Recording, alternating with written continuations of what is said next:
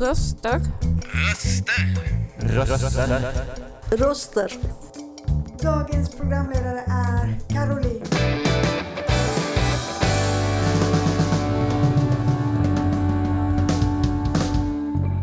Dina röster i vardagen.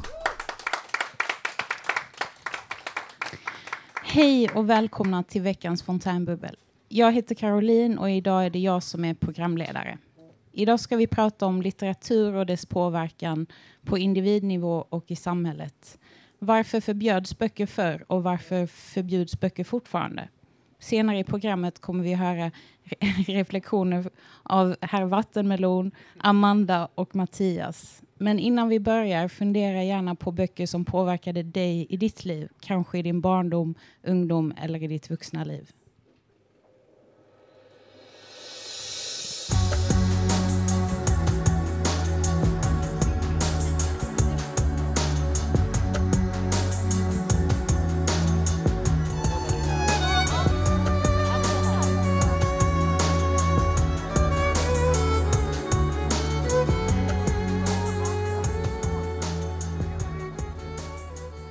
Detta var låten Seven Seconds av Nene Cherry. Vad är förbjuden litteratur? Förbjudna böcker eller förbjuden litteratur är litteratur vars innehåll, författare eller natur lett till att boken av en organisation eller myndighet ansetts som misshaglig och därför gjorts otillgänglig för läsare och köpare. De fyra vanligaste orsakerna till att böcker blir förbjudna är politiska, religiösa, moraliska och sociala skäl. Sex och droger är två särskilt vanliga områden för förbjudna böcker. Förr i tiden förbjöds böcker som idag anses harmlösa och ses som klassiker. Böcker som Det andra könet, Gullivers resor och Djurfarmen. Det var ofta satiriska eller ifrågasättande av samhället och makt. Jag personligen är rädd för den ökande trenden av bannlysta böcker som vi ser idag i USA. Det förbjuds böcker som anses dåliga för barn och ungdomar. Det kan röra sig om våld eller slaveri eh, som sätter USAs historia i ett dåligt ljus. Men också fler och fler barnböcker förbjuds i barnbibliotek. Främst böcker som är skrivna om barn med olika sorters etniciteter eller olika sexuella läggningar. Hyllor står tomma för att när en bok anmäls måste de direkt tas bort för utredning. Böcker som uppmuntrar acceptans av olika familjekonstellationer eller att afrohår är lika vackert som rakt hår. Dessa böcker har ingenting med våld och sex att göra. Bara, det bara pratar om människors lika värde. Varför anses dessa vara farliga för barn? Och vad kommer hända i framtiden? Vad tror ni? Behöver barn skyddas från vissa ämnen? Nu ska vi lyssna på Hoverphonic av Eden.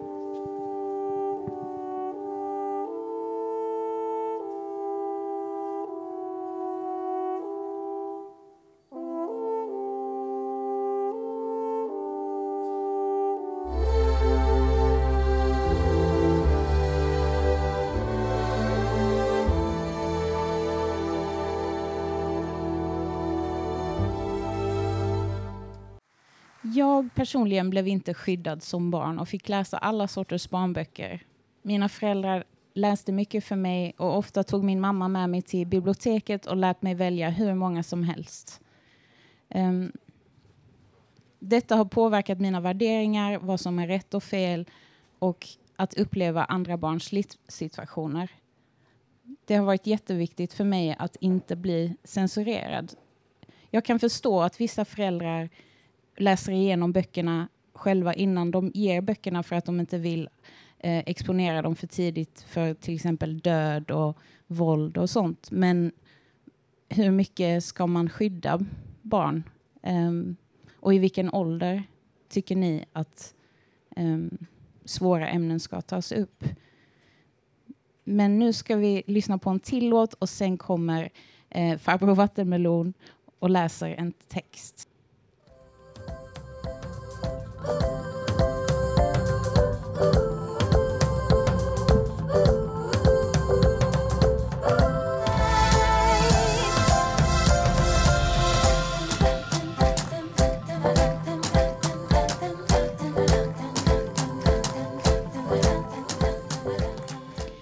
Detta var White Nights of Oland. Välkommen herr Vattenblom. Tack. Ehm, jag har med mig en alpacka och det är för att eh, hedra Sydamerika för jag eh, fick inte med den i texten. Eh, jag kommer nu nämna en summering av några av historiens inflytelserika texter. Men först börjar jag lite smått med psykologi. Och det är ingen slump att vi kan identifiera oss med karaktärer i romaner eller filmer, även om de är fiktiva. Och neuroner är hjärnceller.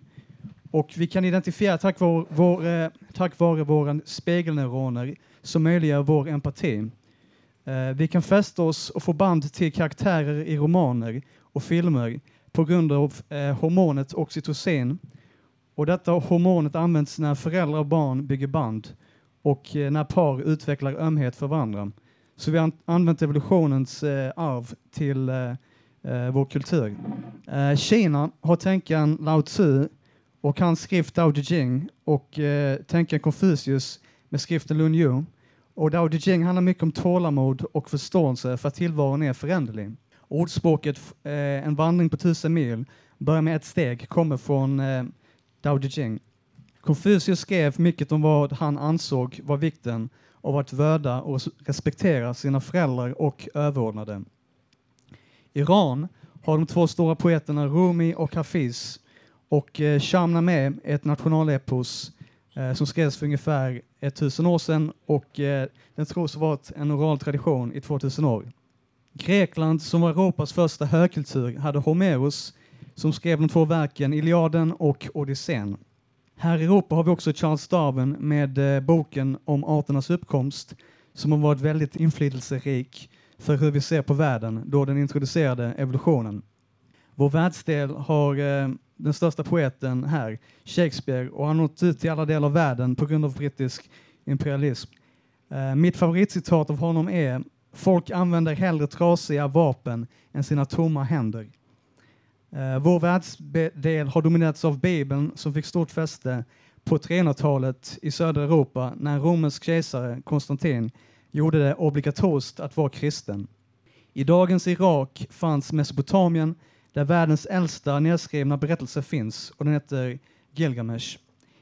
I en sydlig del av Mellanöstern skrevs Koranen som leder världens näst största religion. Den är precis som Bibeln inspirerad av judarnas Tora. I Indien skrevs nationaleposet Mahabharata med 200 000 rader och är därmed världens längsta epos. Den är en av hinduismens heliga skrifter, eh, som är världens tredje största religion. Världens femte största religion är sikhismen med 26 mil eh, miljoner troende och den uppkom för 500 år sedan. Deras heliga bok heter Guru Granth Sahib och dess grundare Guru Nanak levde i Lahore i dagens Pakistan. Tipitaka innehåller 82 000 citat av Buddha som han gav ut under sina 45 år som upplyst. Men den skrevs ner 400 år efter hans död, så en del kan ifrågasättas. Idag i Burma finns över 700 marmorplattor i en trädgård där Tipitakan är inristad. Eh, detta är världens största bok som Unesco har skyddat. Afrika är en megakontinent, kanske planetens näst största. I Fez i Marocko finns världens äldsta levande universitet, så där, finnas, där lär finnas många skrifter. I dagens Mali fanns det på 1300-talet ett kungarike med hu huvudstaden Timbuktu. Där fanns ett bibliotek med 750 000 böcker. De var matematik, astronomi och andra vetenskaper. I, Västaf i Västafrika levde Malinke-folket och de har eposet om Sunjata. Den var en oral tradition från 1300-talet. En bok som gjort intryck på mig är en självbiografi från Sydafrika. Den är skriven av Nelson Mandela och heter Den långa vägen till frihet. I den säger han poetiskt att han kände att han skakade hand med historien. Tack.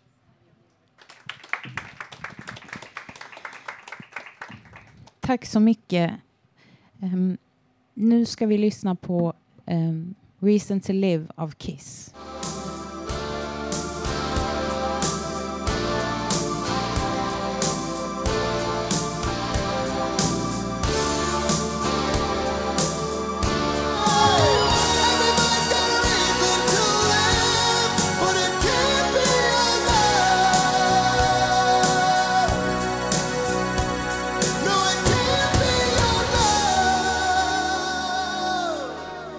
Välkomna tillbaka och välkommen till Amanda. Tack så mycket.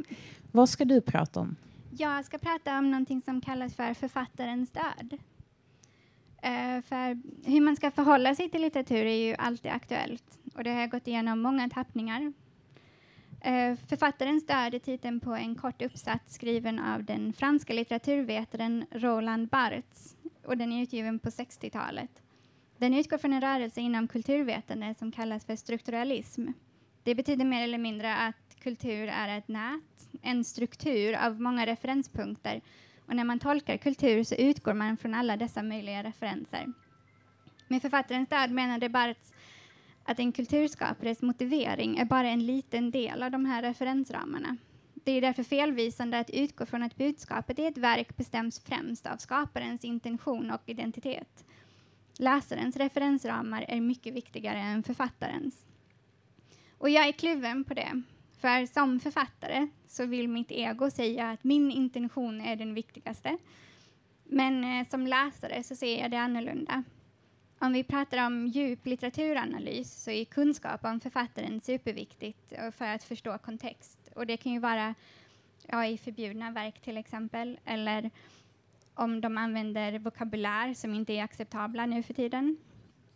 Det kan ju vara en, en historisk anledning. Um, men när det handlar om hur mycket jag njuter av att läsa en bok så värderar jag inte vad författaren menade.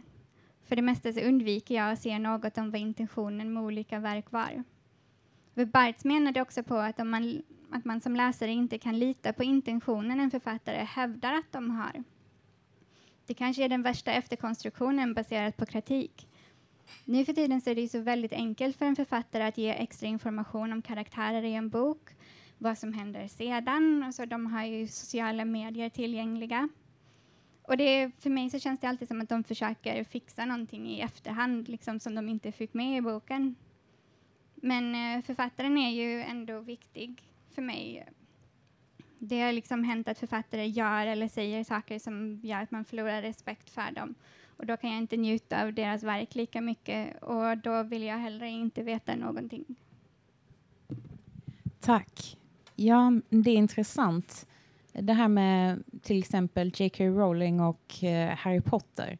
Jag har ju flera vänner som verkligen älskar Harry Potter och har Harry Potter-tatueringar och planscher och allt möjligt. Och Eh, speciellt en kompis som är lesbisk och aktiv i hbtq-föreningar. Ehm, att hon blev ju verkligen jättebesviken när det kom fram vissa transfobiska åsikter på Twitter av J.K. Rowling. Men, eh, ja, hon tycker ju väldigt mycket om att lägga till information efteråt ja. om karaktärerna, om Dumbledore och så, som det inte finns något stöd för i texten mm. i sig. Har du några exempel på eh, karaktär, eh, karaktäristiskt nu kan jag inte prata. av eh, exempel, till exempel hur är Dumbledore eh, annorlunda liksom, i efterhand? Ja, hon pratar ju om hans sexualitet och hans frustration som att personen som han var kär i som barn visade sig vara ond i böckerna. Okej. Okay. Och att han skulle ha, vara homosexuell och attraherad till honom. Det står det ingenting om i boken. Mm. Och sen så, men i Fantastic Beast-filmerna så är ju Dumbledore som ung med, men hon har ändå inte lagt in den här efterinformationen i den filmen. Så då känns det ju bara som att hon försöker, hon tror att det låter bra eller att hon vill ha liksom, poäng för att hon accepterar homosexuell. Jag vet det, det, är så svagt av henne att göra, tycker jag. Ja, och sen är det väl också att hon har nämnt, för att i filmerna det var väl mest vita barn och vita mm. eh, lärare, men att hon har sagt i efterhand väl att vissa är av olika etniciteter. Om jag minns rätt. Jag har inte hört talas om det, men Nej, jag, okay. jag, är inte förvånad. Det ja. låter som någonting som hon skulle ha gjort. Finns det någon annan författare du tänker på som har eh, gjort samma sak, alltså sagt i efterhand mer information? Inte som så. Det mm. finns en, en författare som heter Mark Lawrence som jag tyckte väldigt mycket om att läsa. Men sen så blev en av mina vänner tyckte också om honom och började berätta väldigt mycket om hans process och hur han kom fram till karaktärer och hans protagonist i en bok framförallt som skar sig jättemycket emot vad jag hade upplevt av den karaktären. och då ifrågasatte jag hela verket och att det kändes liksom inte bra att läsa den boken längre efter det. Ja. Men tack så jättemycket Amanda och du får gärna stå kvar. Um, nu ska uh, Mattias uh, läsa upp en text han har förberett.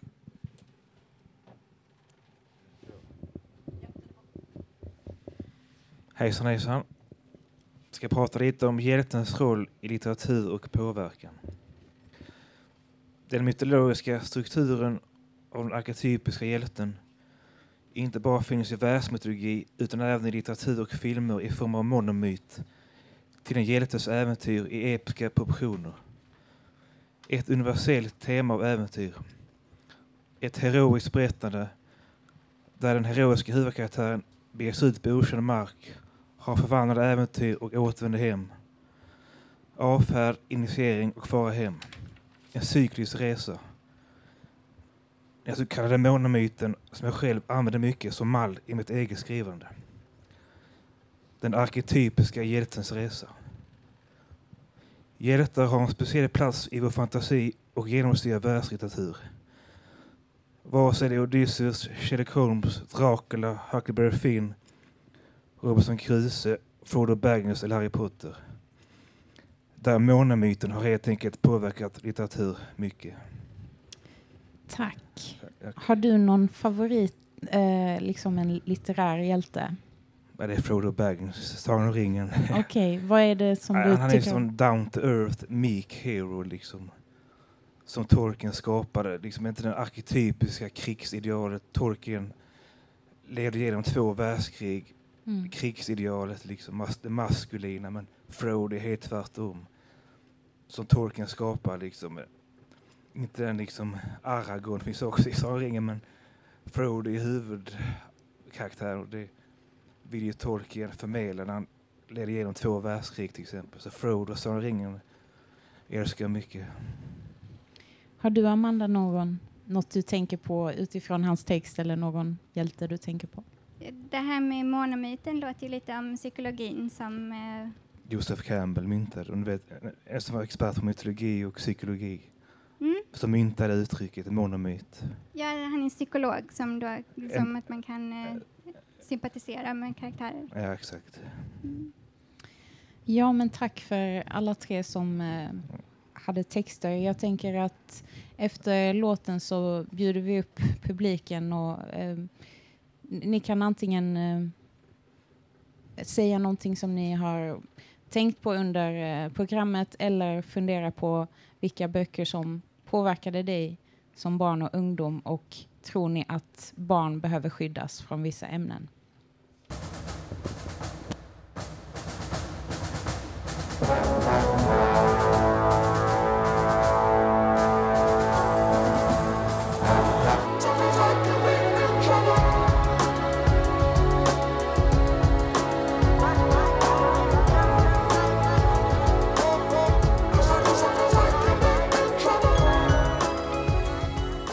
Detta var låten Introvert av Little Sims.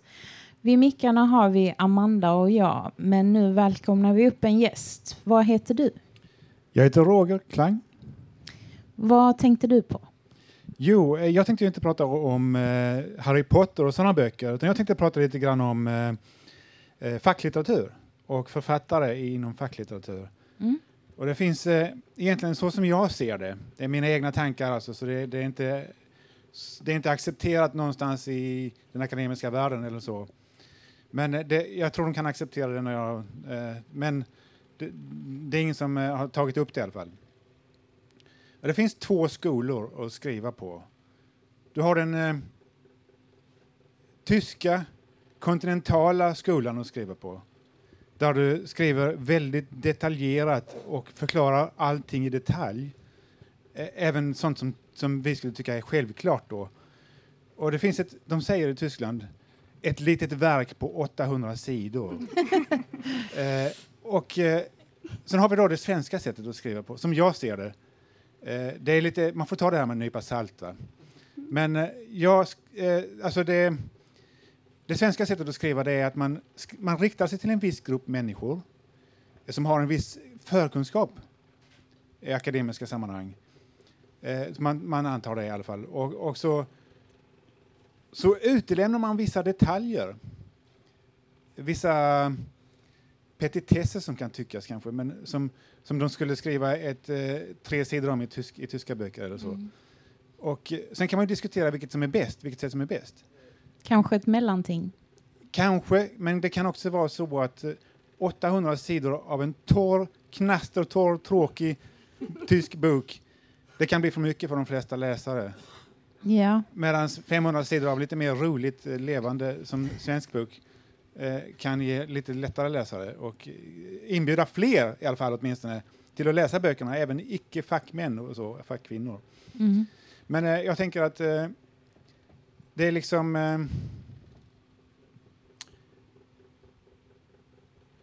jag vet inte varför det är så här, men det finns ju också en, en gradskala på den här nivån. Så, alltså det finns eh, grader av eh, helvetet, så att säga. Och eh, man tänker sig att det amerikanska ligger någonstans mitt emellan då, då de har lite grann, eh, lite grann av en, en beskrivarkultur, men också eh, lite grann av, de har, kan uttrycka sig väldigt bra i Amerika. De uttrycker sig eh, på ett sätt som med några få ord beskriver en komplex situation. Och det tycker jag jag är rätt så bra på också när jag skriver böcker. Och så. Så att, men eh, ibland måste man ju skriva detaljerat. Det är ju bara Mm. så. Man kan inte, ibland är det nödvändigt. Men, men det gäller att se när, när det, man måste göra det och när man inte måste göra det. För man vill ju inte göra en bok tjockare än vad den egentligen är. Det är ju ganska så, så dåligt, för då tar det ju längre tid att studera, längre tid att lära sig, längre tid att... Eh, det, det, man, man får liksom börja tidigare på något sätt. Eh, jag, jag- vet inte, men eh, Mm. eh, jag vet inte om ni håller med om mina reflektioner. Jo, det är väldigt svårt det där med att om man ska prata om något som har komplexiteter så vill man ju inte bli missförstådd. Så jag lutar nog mer åt det tyska hållet. Okej, ja men du, du skriver ju inte eh, facklitteratur. När jag läser mycket facklitteratur, Det gör du, att ja. jag vill gärna ha så mycket information som möjligt Okej. eller i alla fall få noggrant var jag kan hitta den informationen som jag vill ha. Ja. Så då, jag tycker om när det är utförligt, Det- även om det är lite torrt. Det, det tycker du? Okej, men jag tycker att det, är- det är kulare, kuligare och det ger, mig- ger mig mer att skriva eh, att det, gäller, det gäller att veta hur man ska skriva. Det, är- det, det, det, är- det är liksom en, en, en ehm, svår konst att skriva så att alla kan förstå men ändå inte skriva för detaljerat. Mm, facklitteratur har ju sin egen specialitet på det viset. Ja, precis. Ja, ehm, du får gärna stå kvar Roger. Ehm, men nu har vi en ny gäst. Vad heter du? Olof heter jag. Vad skulle du vilja prata om? Nej, men jag skulle prata rent allmänt, alltså det här du pratade om innan, vad som är när, när man först kommer i kontakt med böcker och litteratur. Alltså olika, det är inte alltid, det är inte alltid lätt att lägga ribban som förälder kanske, var, vad man ska utsätta sina barn för. För jag, till exempel när jag, när jag var fem år så lånade min mamma hem en bok till mig från bibblan som hette Ett ensamt öra som jag blev jätterädd för. Jag, jag fick jättemycket fobi av det, jag tyckte det var jätteobehagligt. Men en sån här, så här typ psykedelisk barnbok med eh, typ lösa kroppsdelar som, eh, som under resans gång skulle sätta ihop sig och bli en kropp. Eller något sånt där. Och då var det ett öra som flög omkring. Och jag, jag tyckte det var jätteobehagligt. Jo, Och, det eh, låter läskigt. Ja, och ehm, det hade jag nog tyckt, även när jag var tio, hade jag nog tyckt att det var läskigt. Liksom. Eh, att ha. Så jag tänker, och det är inte alltid så lätt kanske. Ibland får, man pröva, ibland får man utsätta sig för det som är lite obehagligt kanske till en början. Och sen är alla barn olika så det kan vara svårt också att veta hur de reagerar. Men det är Mm. kanske bättre att låta barn utforska många olika ämnen och sen se vad den tycker är för mycket än att liksom filtrera alla böcker eh, innan man ger dem och inte bara ger liksom regnbågs vackra böcker. Liksom. Ja. Man hade ju, om, för, för att ta en sak som hade, var det en väldig debatt om det i, i Disney-filmer ibland, att när, när, de, har- när de har ju en massa animerare som gör en massa bilder hela tiden, och någon ibland lustigkurre ibland fick med någon lite rolig bild att det var en präst som hade, det såg ut som att han hade stånd, tyckte de såg ut som. Och då var det genast massa upprörda föräldrar som ville att eh, det skulle eh, så, ville att det skulle tas bort. Eller någon gång i Lejonkungen när det, det såg ut som att det kom stoft från himlen och det såg ut som att det stod sex, sexmeddelande i himlen, att det stod sex. Så var det vissa, flera upprörda föräldrar som sa, ja min fyraåring blev traumatiserad av detta för han såg ordet sex. Liksom, okay. Han läskunnig och vet han vad det begreppet är, men okej. Okay. Men, eh, nej men jag tänker också på det här med uh, Death of the Author som uh, Amanda pratade om. Mm. Där är det ju, jag, jag känner inte till det, så jag har hört begreppet men jag har inte vetat innebörden förrän nu idag, typ, som jag, som jag fått någorlunda Ja, som du har redo. Men eh, det är intressant för jag tycker det, det är väldigt mycket så här med fiktiva. Idag tycker jag att det, går en över, alltså jag har ju alltid varit intresserad av, eh, av kontinuitet, att kunna bygga upp, eh, bygga upp samband. Så här, men idag, idag tycker jag det är lite för mycket. Man gräver i så här gamla filmer och försöker leta nya mål, leta nya karaktärsdrag hitta, och skriva fast ål, skriva åldern på den här på näsan på folk. Och jag, och jag kan tycka det är lite, lite för mycket just eftersom de, det inte är de som ursprungligen var inblandade i verken som, som ändå som kom utifrån och lägger sig i. Så du tycker att en historisk kontext är viktig i det fallet? Ja, då? jag tycker det är väldigt viktigt, alltså vad, lite grann vad intentionen var. Mm. Liksom, att om intentionen var att det skulle vara tidlöst, att inte åldern skulle vara tid, så tycker jag det är viktigt att hålla sig till det. Man ska inte, det ska Ja. inte komma en massa nya och tänka, ja men den här personen var minsann så här och så här gammal. Ja. Mm. Men eh, nu tycker jag vi lyssnar på en låt. Of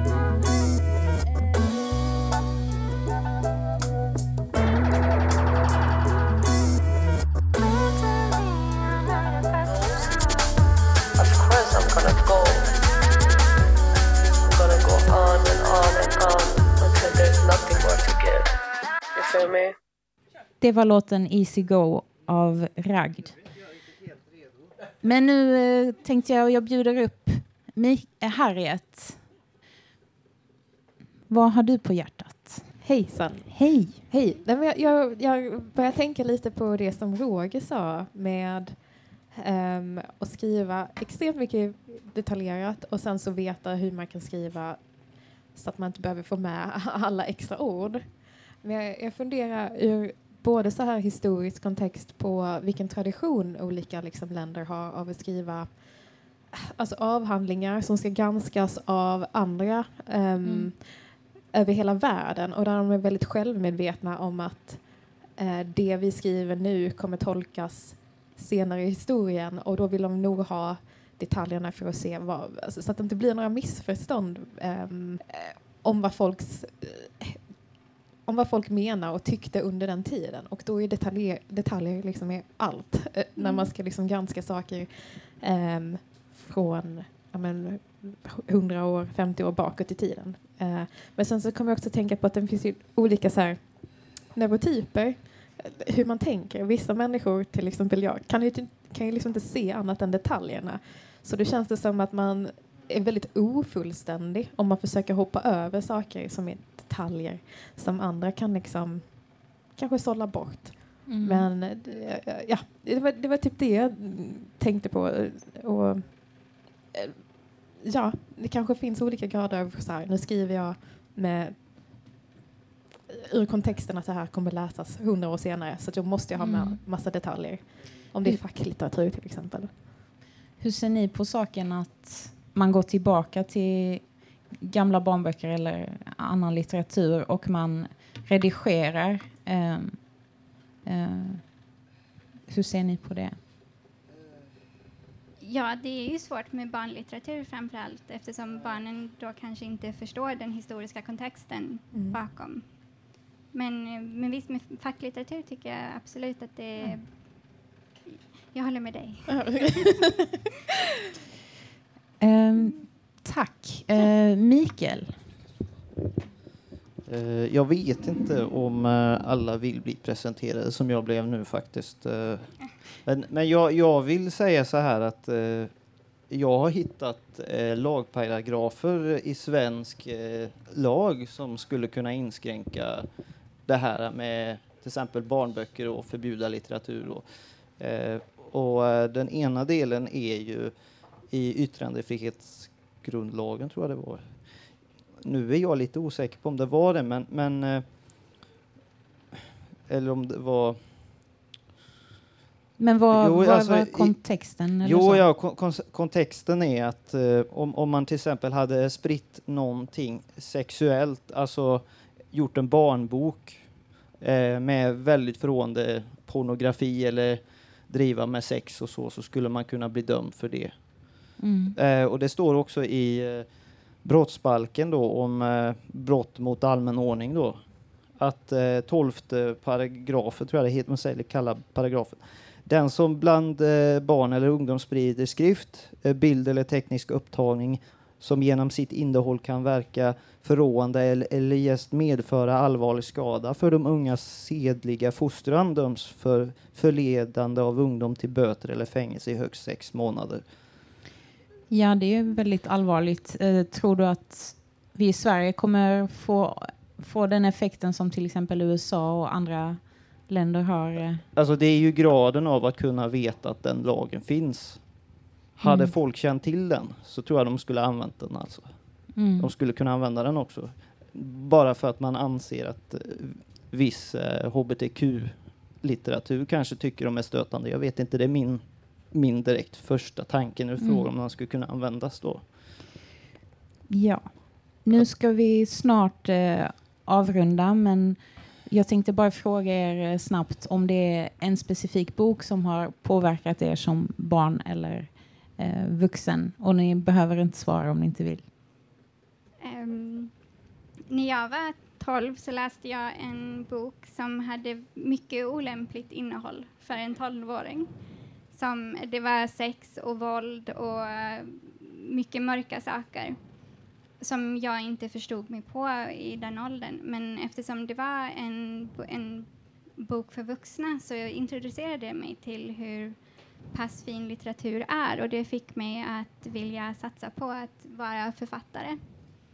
Så trots att det, den var väldigt olämplig så har den haft en, en väldigt positiv påverkan i mitt liv. Ja. Har du Harriet någon bok du tänker på? Oh, ja, jag, jag kan inte riktigt gå in på mycket varför, men min Mm. favoritbok är faktiskt Gullivers resor. Ja, och den blev ju förbjuden. Så det, när du läste den, kände du av att, att det var något... ehm, Absolut, alltså den var ju typ så himla, alltså satirisk och samhällskritisk på liksom alla Alltså det var en spark åt alla håll. Ehm, och, och jag kan verkligen förstå varför det var förbjudet. För mm. Jag tycker att den är absolut lika aktuell idag som den var då. Ehm, ja, och sen så kontexten om när den var skriven. Det säger ju ganska mycket Mm. om varför den var förbjuden. Eh, men ja. Ja, men nu har tiden runnit ut. Vill eh, Rog- Roger ha slutordet? Jag kan säga några ord också. Det finns intressant. Alltså, jag, det här vet vi inte, men det här vet kanske inte alla om, men Sverige hade dödskallemärkning i radio på 70-talet. Eh, Texter som var ansågs för provokativa ibland. Att, alltså att de inte, att de, alla, alla låtar som skulle spelas, att man skulle ha en presentation om dem ifall någon skulle ta anstöt. Så det var bara, intre, bara intressant kuriosa. Och Roger? Ja, jag skulle vilja svara lite på Harriet, eh, det heter det så? Harriet och eh, du- du Amanda, alltså det här med att det, det, det tyska eller det kontinentala sättet att skriva är bättre. Men då tänker jag att så här att eh, är motiverar det 300 extra sidor i en bok när man kan läsa den här faktan i andra böcker som är lite mer grundläggande? För att man, man, eh, går- man från första klass till gymnasiet till universitetet. Det bygger ju alltid på någonting tidigare som finns redan i, i litteraturform. Ja, men där kan man ju säga att eh, 300 sidor extra eller 400 sidor i en annan bok. Det är ju, man kan ju alltid bygga på i all evighet på det viset. Jag vill hellre ha kontexten omedelbart så att det blir lättare för mig Jo, att förstå. Men det är klart, man ska, man ska ju skriva så att det går att förstå. Men man, man, har ju, man riktar sig till vissa grupper, som jag säger. Alltså man riktar sig till universitetsstudenter med en viss förkunskap kanske. Eh, beror på vilken, eh, vilken eh, kurs de läser. Men eh, jag tycker att det är bättre med det svenska sättet och det vill jag säga med emfas. Ja. Tack så jättemycket. Jag vill tacka publiken för att ni lyssnade och ni som kom upp och pratade. Och eh, tacka teknikerna och speciellt Amanda, Mattias och Herr Vattenmelon. Så tack så mycket.